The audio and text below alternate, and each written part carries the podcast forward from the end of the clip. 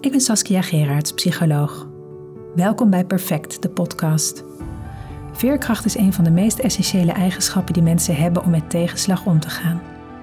Veerkracht is ook wat de meest succesvolle en gelukkige mensen met elkaar delen. In deze podcastserie interview ik bekende en onbekende Nederlanders over hoe zij het hoofd hebben geboden aan dingen in hun leven die ze er liever niet in hadden gehad. Hoe zijn zij daarmee omgegaan? Of beter nog, zijn ze er misschien zelfs al door gegroeid? Laat je inspireren. Vandaag interview ik Dominique Prins Keunig, alias Mrs. P. Dominique is freelance journaliste en schreef honderden artikelen over gezondheid, voeding, opvoeding, relaties en ook, vind ik natuurlijk hartstikke leuk, psychologie. Daarnaast schreef ze drie boeken. De eerste, De kinderen merken er niks van, waarin volwassenen vertellen over de scheiding van hun ouders. Daarna De onzichtbare dochter, waarin zij het schokkende relaas vertelt over een Somalisch meisje. En tenslotte haar meest recente boek, De ongemakkelijke lessen van Mrs. P, waarin zij vertelt hoe zij leerde omgaan met een chronische progressieve aandoening. Dominique maakte zelf ook al de nodige tegenslagen mee. Het begint al jong, als in haar vroege jeugd haar ouders scheiden. Maar ze kan haar geluk niet op wanneer ze, als ze 12 jaar oud is, een broertje krijgt. De twee ontwikkelen een hele hechte band en Dominique's wereld stort dan ook in als ze in maart 2015 hoort dat haar broertje ongeneeslijk ziek blijkt. Hij overlijdt in 2016.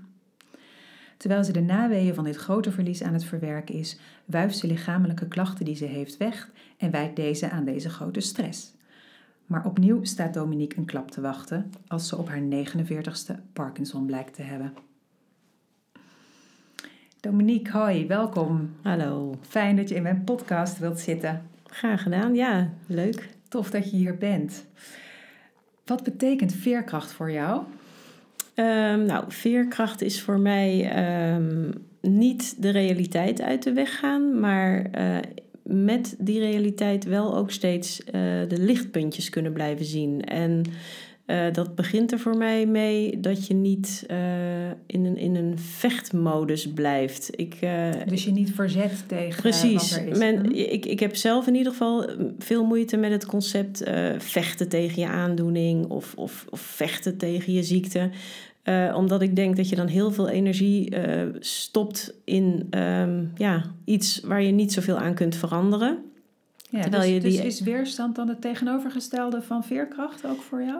Ja, nou, het, het, zit, het zit veerkracht in ieder geval erg in de weg, denk ik. Ja, ja. zolang je in de weerstand zit, uh, denk ik dat je moeilijk... Nou ja, dan kun je ook niet de lichtpuntjes zien. Want uh, die kun je pas gaan zien als je uh, ten volle accepteert hoe een situatie is op een bepaald moment. Ja, alsof je er dan pas. Ja, controle vind ik altijd een lastig woord, maar alsof je er dan regie over krijgt. Dat, je, dat jij dan. Nou ja, je, je, je kunt in ieder geval regie krijgen. Of ja, regie vind ik inderdaad ook al bijna een lastig woord, maar je hebt wel degelijk invloed op ja, hoe je ja. uh, uh, omgaat met wat er allemaal in je leven gebeurt. En um, een situatie accepteren is, is niet iets passiefs. Hè? Dat is um, ja, eigenlijk nee, dat is heel, heel actief, en, maar ook heel eng. Het is uh, het leven recht in de bek durven kijken. En um, het is niet uh, je als willoos slachtoffer achterover op de bank laten vallen. Nee, want dat gaat misschien dan ook een beetje dat mensen denken... als ik het accepteer, dan, dan schik ik me ernaar. Precies, of, of ja. dan, nou ja, dit is het dan en er ja. is niets meer aan te doen. Dat, dat is het niet. En accepteren betekent ook niet dat je het uh, heel leuk moet vinden. Want, nee. ik bedoel... nee, want dat las ik in je boek ook, uh, waarin je schrijft dat een collega van mij, psycholoog Marcel Post van de Universiteit Groningen, heeft daar een mooie theorie over. Zou je dat eens willen uitleggen? Ja, nou ja, die, die geeft inderdaad aan dat veerkracht eigenlijk vooral te maken heeft met um, het. het fijn kunnen hebben naast de nare dingen die er gebeuren in je leven. Dus die dingen uh, wuif je niet weg, ja, dus je, je ontkent ze niet. Overschaduwen ook? Ja, precies. je erkent dat die, die nare dingen er ook zijn. En je erkent zelfs dat dat helemaal niet leuk is. En tegelijkertijd kun je um, daarnaast misschien wel genieten van uh, een knuffel van je hond of een, een, uh, een grapje van je kind. Of een, ja, dus die beide dingen kunnen naast elkaar bestaan. Dat, ik denk dat dat naast elkaar kan bestaan, uh, maar daar moet je echt wel oog voor hebben en, en misschien wel oog voor leren hebben. Ik denk dat misschien de ene persoon dat van nature meer heeft dan de ander.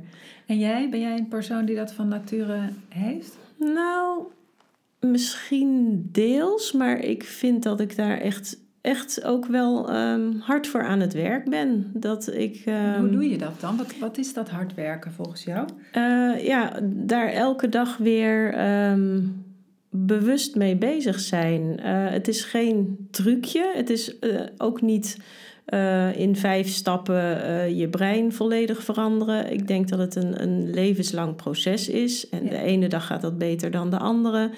En zeker met een chronisch progressieve aandoening uh, kom je steeds weer nieuwe uitdagingen tegen, waardoor je opnieuw weer in zo'n proces van accepteren belandt en, en van lichtpuntjes zoeken. Um, omdat je situatie steeds verandert. Omdat de situatie ja, verandert. Permanente. En, um, uh, maar maar ik, ik de, een, een, voorbeeldje is: me, mensen doen wel eens badinerend over zelf, zelfhulpboeken en dat die niets zouden helpen. Um, nou, natuurlijk zijn die, die, die titels als in vijf stappen van alle ellende af een beetje gechargeerd. Maar ik denk, voor mij in ieder geval helpt het wel degelijk om erover te lezen. Uh, en om mezelf steeds weer met dat soort informatie uh, te voeden. Ja. En daar vervolgens mee aan de slag te gaan.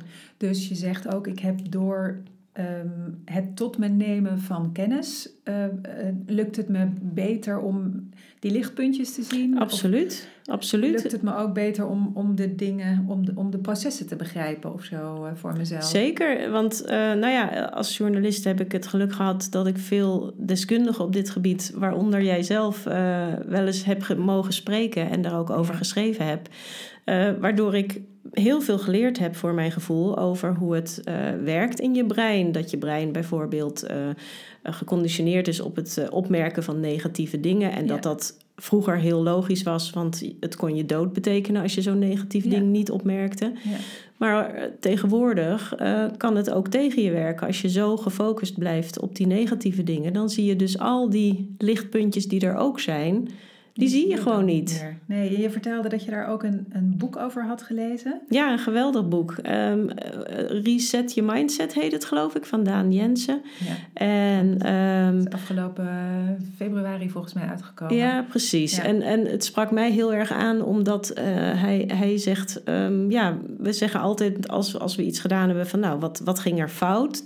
Terwijl eigenlijk een veel belangrijkere vraag zou zijn: wat ging er goed? Wat heb je goed gedaan? Hoe, wat heb je gedaan dat je zover bent kunnen komen? Want en... Daan ontdekte dit omdat hij tennisleraar is. Hè? En ja. Eh, mensen na een training altijd vroegen van...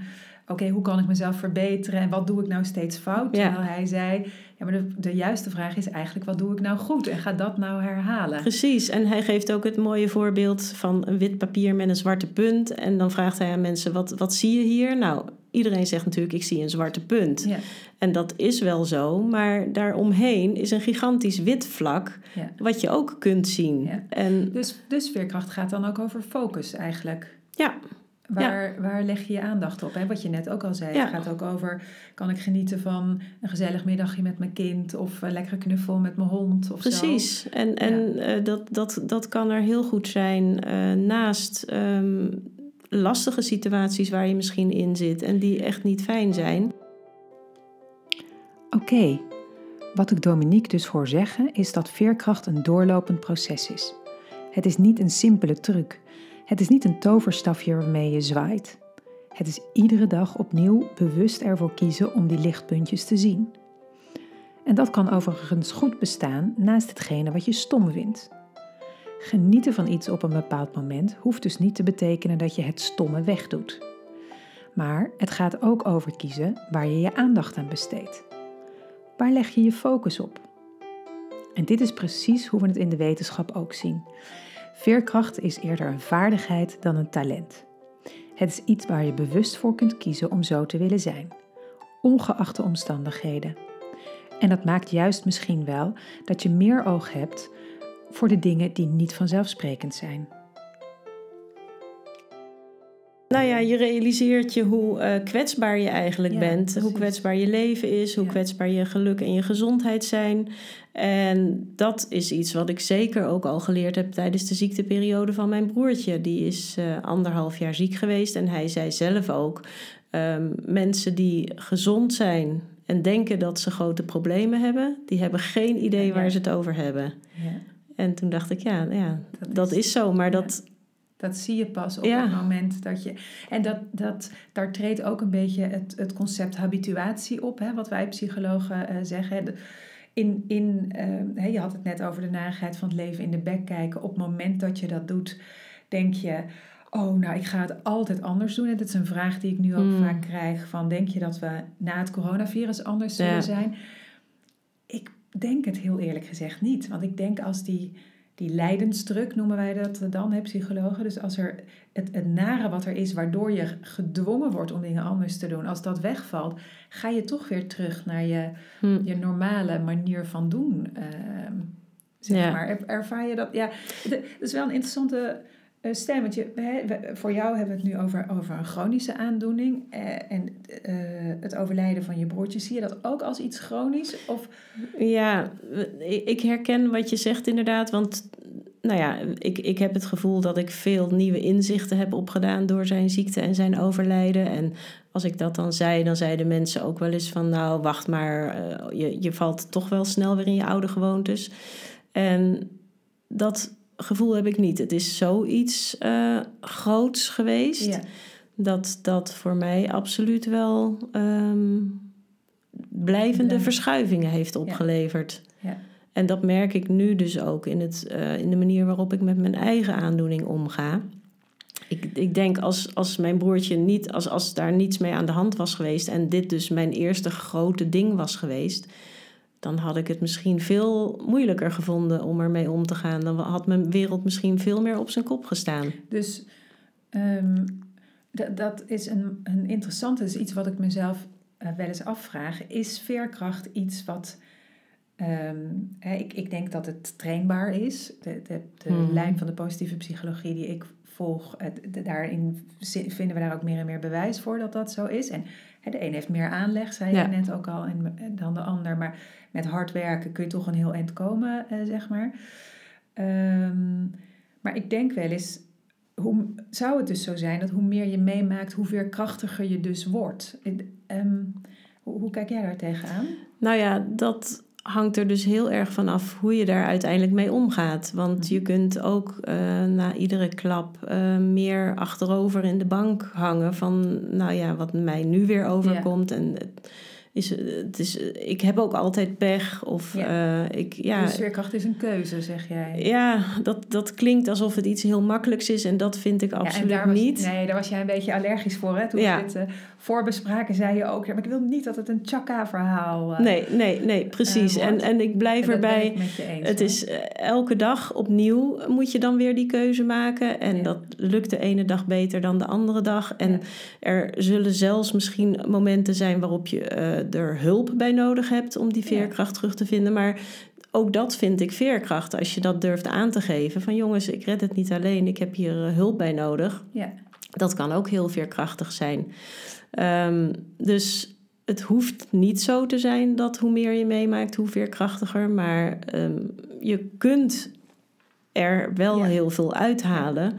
En dat noem ik in mijn lezing, ja, de, de lessen. Ik, ik, ik hou niet van tips, want ik geloof niet in tips, omdat dat voor iedereen anders is. Dit zijn ook alleen maar mijn lessen, ja. die voor mij uh, tot nu toe werken. En uh, ja, die misschien een inspiratiebron kunnen zijn voor en mensen. Je deelt daar ook heel veel over hè, op de social media. Je hebt gekozen om hier heel open uh, voor te zijn. Ja. Uh, wat, wat, brengt dat je?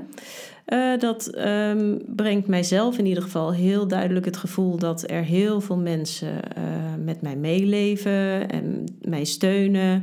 En, altijd fijn. Ja, nou ja, een van de belangrijke dingen in veerkracht overigens. Precies. Hebben van een goed support. Ik, ik ervaar gewoon heel duidelijk dat wat dat betreft gedeelde smart halve smart is. dat, dat voel ik gewoon heel sterk. En daardoor maakt het voor mezelf het, het ook weer makkelijker te dragen. Uh, plus dat het soms andere mensen helpt om ook opener te zijn. Want social media is natuurlijk bij uitstek een medium om je, je mooiste kant te laten zien en je prachtigste plaatjes. En dat is ook heel leuk. Maar daardoor bestaat het gevaar dat je op een gegeven moment, als je in de shit zit, uh, denkt dat je de enige bent.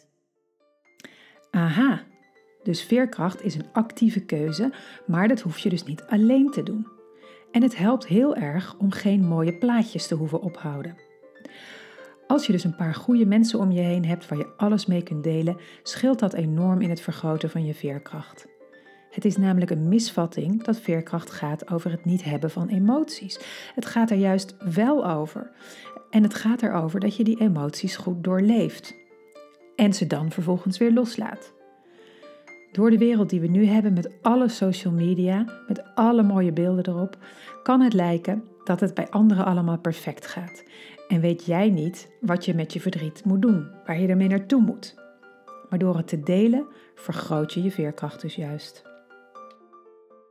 Ja, nou daar is deze podcastserie ook wel een beetje voor bedoeld. Om te laten zien van, joh jongens, het is allemaal niet zo met dat vernislaagje waarmee we het, met letterlijk dat filtertje wat we erover Precies, uh, want dat heeft niets met veerkracht te maken. Veerkracht gaat juist om die momenten dat je denkt van nou jeetje, nou weet ik even echt niet meer uh, nou, hoe en de groei in je leven vind denk ik, als ik denk als je terugkijkt op je leven, denk je nooit, goh ik ben nou zo ontzettend gegroeid toen ik zo lekker die drie weken op dat strand uh, daar lag. Hè? Maar precies. het zijn altijd de momenten. Um, ik zie dan altijd zo'n soort van tak uh, vormen die op de knooppunten gaat hij een andere kant op groeien. En dat maakt de schoonheid van de tak juist. Hè? Ja, ja. Dus die grilligheid. Ehm, dus dus het, het, stelt je ook in staat. Ja, of om af te sterven dan inderdaad bij zo'n knooppunt. Dus slachtoffer te zijn en te denken... oké, nou het houdt voor mij hier op. Waarom ik ook altijd? Hè, arme ik. Uh, of je kunt kiezen om een andere kant op te groeien. En dan juist in je pracht um, daardoor te ontwikkelen. Denk ja, ik. ja ik, ik zie ook vaak het beeld vormen van een, een rups die in zijn kokonnetje zit en die uh, moet worstelen om eruit te komen als vlinder. Ja. Als je die gaat helpen door het kokonnetje voor hem open te maken, dan stort hij gelijk neer, want dan heeft hij geen sterke vleugels gekregen. Nou, en alle groei begint eigenlijk met iets wat kapot gaat. Hè? Een, een bloemetje wat boven de grond uitkomt, maakt de aarde al kapot. Vervolgens barst hij uit zijn knop. Nou, een bevalling bijvoorbeeld. Ook niet echt dat je denkt, superleuk. Nee, nee, uh, nee inderdaad. dus dus iets, iets nieuws, een nieuw leven of een nieuwe wending... begint eigenlijk feitelijk altijd met iets wat daarvoor kapot gaat. Ja, maar dat, dat vinden veel mensen denk ik een heel eng concept... Ja, en, uh, en, en vooral kijk ook. eens naar die curlingouders die ja, ja. voor hun kinderen alles wegnemen. Ja, ik, ik, moet bekennen, soms maak ik me daar ook een beetje schuldig aan. het, is, het is verleidelijk, maar inderdaad. Uh, en en dat, dat heeft weer een beetje met ook wel die maakbaarheidsillusie te maken, denk ik. Je, ja, je, je wilt allemaal aan dat mooie plaatje van, van die ja. social media voldoen. En je, het voelt natuurlijk prettig als je denkt dat je dat allemaal in de hand hebt. Maar ja. dat is gewoon niet zo. En daar kom je pas achter op momenten dat het tegen zit. Ja, precies. Dus dan, dan gaat het over hè, wat mijn definitie dan inderdaad is van veerkracht. Hè. Je, je hebt geen controle op de dingen, maar wel invloed op hoe je ermee omgaat op het moment dat ze uh, komen. Ja. Dus je kunt niet beheersen wat er gebeurt. En nee. het Engels zeggen ze ook, geloof ik, dat veerkracht is the ability to prepare for, respond to and recover from stressors. Wauw. Dat is mooi, hè? Ja. Dat vind ik ook. Dus, dus het gaat ook over, zie je het aankomen, maar ben je in, in het oog van de storm ook in staat om te reageren en herstel je sneller.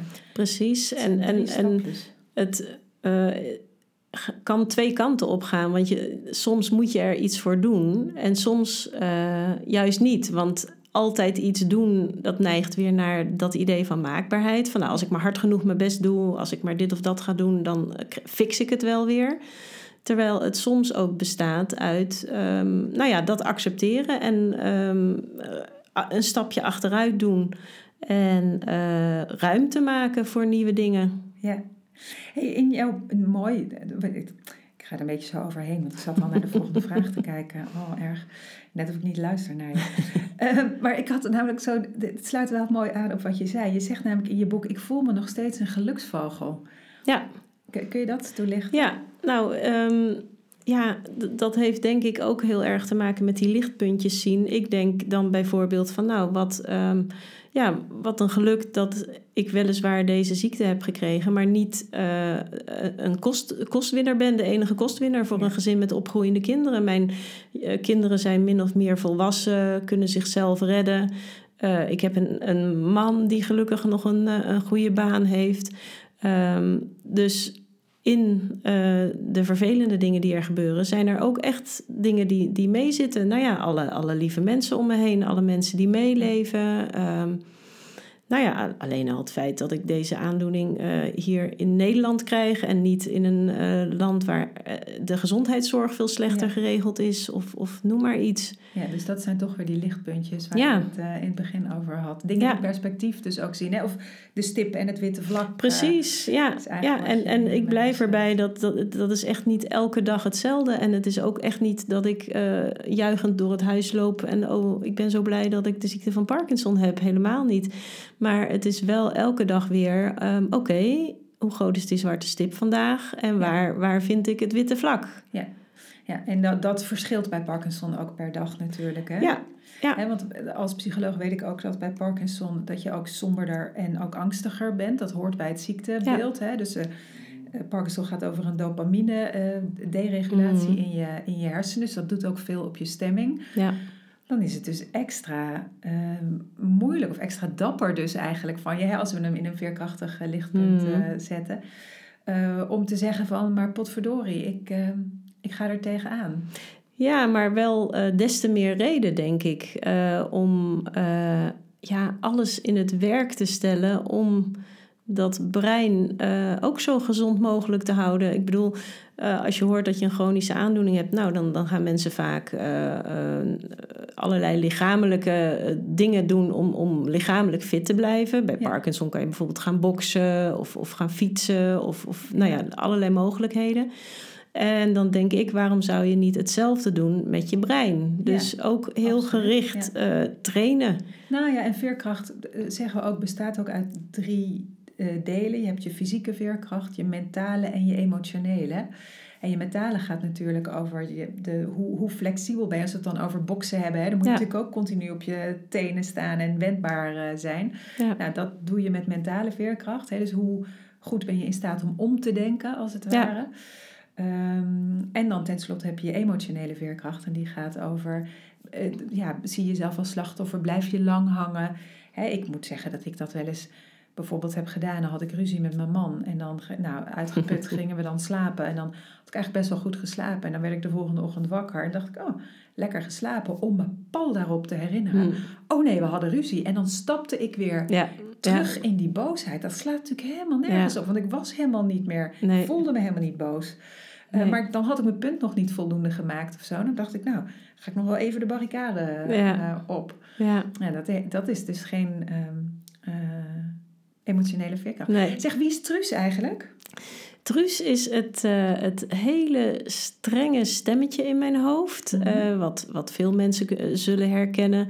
Uh, maar wat bij mij bijzonder uh, goed ontwikkeld is, kan ik wel ja, zeggen. Ik, ik bij heel veel overigens hoor. Dat ja, is, ja, en, en, en Truus is deels een, een prima aanwezigheid, want ze, ze zorgt dat ik al jarenlang mijn deadlines netjes op tijd haal. Ja, en... oh, ik geloof absoluut dat die stemmetjes een positieve intentie ja, voor ja. ons hebben. Maar ik, mijn, mijn Truus kan wel erg achter me aan blijven zitten, ook op momenten dat het misschien beter zou zijn om even wat rust te pakken of wat vriendelijker voor jezelf te zijn.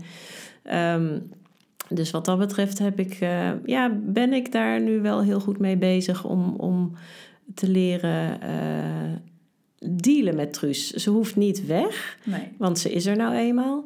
Maar ik leer dat ik uh, niet altijd naar haar hoef te luisteren. Dus net, net, als wat je zegt met, met Mrs. P, hè, daarvan zeg je in je boek ook... ik wil haar niet belangrijker maken dan ze is... maar ik heb wel besloten om haar open en respectvol tegemoet te treden. Want ik heb het idee dat haar negeren averechts werkt. Ja, ja. Dat ik, ik... Dus het is gezellig bij jou, het is een drukke bende.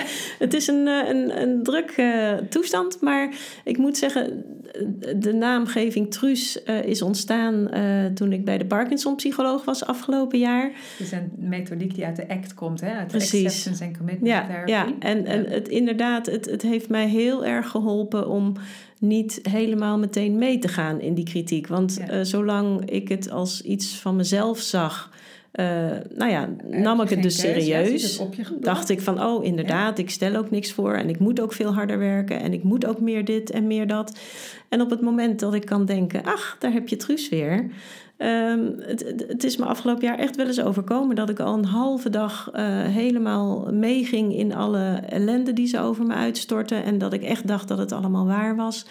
En pas op het moment dat ik dacht van, ach, volgens mij is Truus nu gewoon bezig. Ja. En prompt valt er dan een last van je af. Ja, en wat je beschrijft ook is zo mooi, uh, vind ik. Want dat we, wij, wij psychologen ervaren stress als het gevoel dat je, als het ontbreken uh, van het gevoel dat je uh, een keuzemogelijkheid hebt. Ja. En wat je dus eigenlijk beschrijft van hé, hey, maar ik kan kiezen of ik me laat leiden door Mrs. P. Precies. Of dat ik me, of ik luister naar Truus. Ik heb altijd uiteindelijk nog de keuze hoe ik, hoe ik ermee omga. Precies. En dat is misschien voor, ja, voor jou dus wel het geheim van, uh, van veerkracht. Ja, dat je elk moment weer uh, opnieuw kunt beslissen: uh, wat, wat ga ik hiermee doen? Ja. En nogmaals, dat wil helemaal niet zeggen dat dat altijd makkelijk is. En soms kan het antwoord zijn van, nou, ik kan hier niet alleen mee dealen, ik ga hier hulp bij zoeken. Of uh, het antwoord kan ook zijn, ik wil hier nu even helemaal niets mee en ik ga nu uh, kruip ik lekker onder mijn dekentje op de bank en doe ik even helemaal niks meer. Dat, dat kan ook. Ook heel fijn. Maar dat, dat is denk ik soms ook belangrijk om. Het is een belangrijk onderdeel ook van veerkracht, denk ik, om compassie te hebben voor jezelf. Hè? Je beschrijft ook, ook in je boek, uh, ik was altijd iemand van mijn gevoel uitschakelen en maar doordouwen. Ja. En ja, dat, dat is denk ik anders dan veerkracht. Dat gaat meer over die weerstand dan, denk ik. Eigenlijk ik wel. er niet onder ja, dat, dat is die vechtmodus. En, ja. en op sommige momenten kan dat je heus ook best wat brengen. Maar um, dat is voor mijn gevoel een hele, ja, hoe zeg je dat? Een, een harde veerkracht. Een, een onbuigzame veerkracht. Waardoor ja. je dus kunt breken als je daar te lang in uh, vast blijft zitten. Ja, Terwijl, een mooie metafoor ja, over, ja, uh, bij, uit de yoga. Bij yoga hebben ze het inderdaad over een wuivende uh, bamboestengel. Dus ja. je kunt soms helemaal de ene kant op wuiven... maar dan kom je ook weer omhoog en dan wuif je eens de andere kant op. En dat is voor mij veel meer veerkracht dan... Um, heel stijf en strak ja. rechtop blijven staan. En je tanden op elkaar. En ja, dat, dat breekt je uiteindelijk op. Ja. En daar heeft uh, bijvoorbeeld Manu Keersen, de, de rouw- en verliesexpert, een heel mooi verhaal over met de drie bomen. Ik weet niet of je dat kent. Nee, wil je delen? Ja, ja hij, uh, hij vertelt dan over drie bomen die alle drie in een zware storm een uh, tak verloren hebben. En uh, hoe zij dan met dat verlies omgaan. En als die dan het jaar daarop weer bij de eerste boom komt, of nee, dan komt de zon en die wil uh, die boom uh, uitnodigen om verder te groeien. En die boom zegt: Nee, dat kan niet. Ik heb een zwaar verlies geleden. En die boom blijft dat elk jaar tegen de zon zeggen. Dus uiteindelijk, ja, die boom verschrompelt, blijft heel klein en, en komt nergens meer. De tweede boom die uh, vindt het zo verschrikkelijk het verlies dat hij alles doet om dat verlies te vergeten. En die stopt het weg en verliest al zijn grip op de aarde en waait vervolgens zelf helemaal om in de volgende grote storm. Terwijl de derde boom die wordt uh, een jaar uh, na het verlies ook uitgenodigd door de zon om te groeien. En de derde boom zegt: Nee, sorry, daar is het nu nog te vroeg voor. Maar kom volgend jaar nog eens terug. En het jaar daarop, inderdaad, uh, is hij bereid om in de zon weer te groeien. En hij houdt ook zijn litteken naar de zon, want dat litteken mag gezien worden. En die groeit uit tot een, tot een grote, sterke boom die ook vol trots zijn litteken draagt. Wauw. En dat is wat we over rouw inmiddels ook weten. Hè? Vroeger dachten, we, dachten wij psychologen ook dat je een aantal fases doorging ja. en dat rouw kleiner dan werd uiteindelijk ja. als je die fases maar goed doorliep. Inmiddels weten we dat. Uh, nou, het is eigenlijk hetzelfde als die zwarte punt. Dat, dat rouw, die blijft even groot. Alleen je leven eromheen wordt groter. Ja. Waardoor het, het relatief, het litteken uh, wat je hebt, uh, lijkt daardoor kleiner. Ja, maar het zit er wel degelijk. Maar het zit er wel degelijk. En dat mag ook. Ja, dat mag ook. Ja. Prachtig. Mooi, mooi verhaal. Dank je ja, wel. Ja, En nou zei je net van ik, heb, ik doe niet aan tips.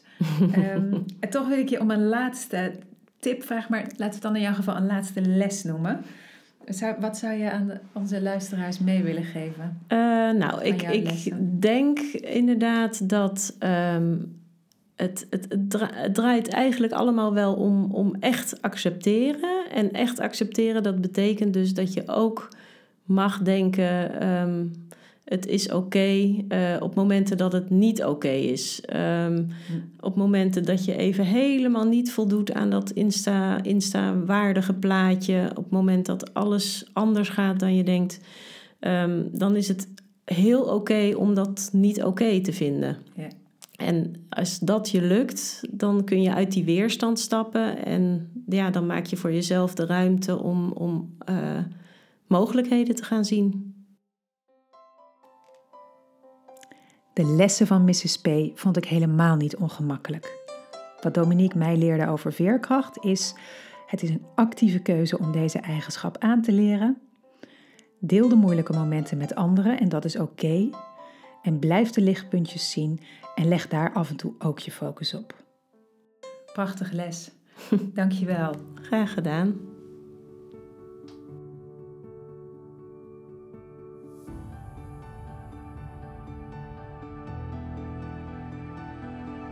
Ik ben Saskia Gerards en jij hebt geluisterd naar Perfect de podcast.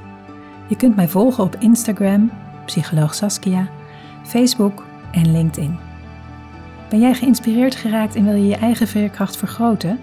Meld je dan aan voor mijn online academy op www.saskiagerards.nl/veerkracht.